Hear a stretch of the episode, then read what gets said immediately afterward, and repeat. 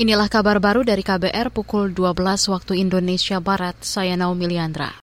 Kementerian Luar Negeri Republik Indonesia melayangkan nota diplomatik ke Kemlu Myanmar setelah 20 warga negara Indonesia diduga disekap di Muay Daidi. Direktur Perlindungan WNI dan Badan Hukum Indonesia Yuda Nugraha dalam keterangannya kemarin 3 Mei mengatakan, selain nota diplomatik, Kemlu RI juga berkoordinasi dengan otoritas setempat dan bekerja sama dengan lembaga internasional pemerhati kasus online scam. Kata dia mayoritas WNI itu berada di Miyawadi, lokasi konflik bersenjata antara militer Myanmar dan pemberontak.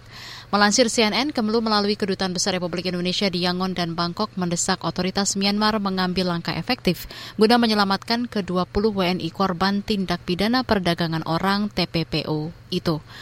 Saudara, sebanyak 20 WNI diduga disekap dan disiksa. Dugaan itu mencuat usai video yang diunggah akun Instagram Bebaskan Kami viral.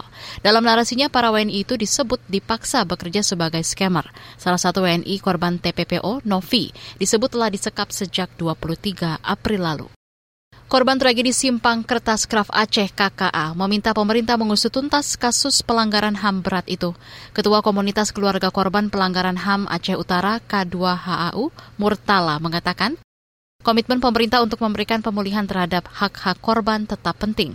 Akan tetapi pengungkapan kebenaran dan keadilan hukum lebih dibutuhkan oleh keluarga maupun korban.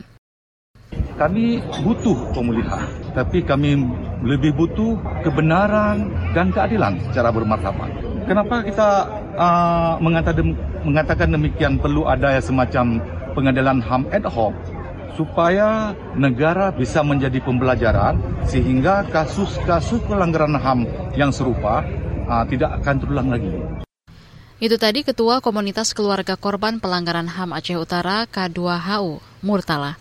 Sebelumnya pada Januari lalu, Presiden Joko Widodo menyatakan pengakuan pemerintah Indonesia terhadap 12 peristiwa pelanggaran HAM berat masa lalu, termasuk di dalamnya tragedi Simpang KKA. Pengakuan ini disampaikan usai Jokowi menerima laporan tim penyelesaian non-yudisial pelanggaran HAM berat masa lalu, PPHAM. Saudara, tragedi Simpang KKA 3 Mei 1999 menyebabkan 21 warga sipil tewas dan 146 lainnya luka-luka. Kontingen Indonesia dari lima cabang olahraga yakni obstacle race, bola voli, sepak bola, hoki indoor, dan kun bokator akan menjalani pertandingan sehari sebelum upacara pembukaan SEA Games 2023 Kamboja. Bahkan pertandingan cabur kun bokator akan bergulir hingga perebutan medali pukul 16 waktu Indonesia Barat nanti. Olahraga itu untuk pertama kalinya dipertandingkan di tingkat Asia Tenggara. Indonesia mengirimkan 21 atlet yang akan berjuang meraih keping medali emas. Tercatat ada 6 medali emas yang akan diperebutkan dari cabang olahraga ini. Pertandingan lain yang juga dinantikan adalah cabang sepak bola, di mana timnas Indonesia U22 akan bersaing dengan Myanmar pada lanjutan Grup A di Olympic National Stadium. Saudara, demikian kabar baru KBR, saya Naomi Liandra.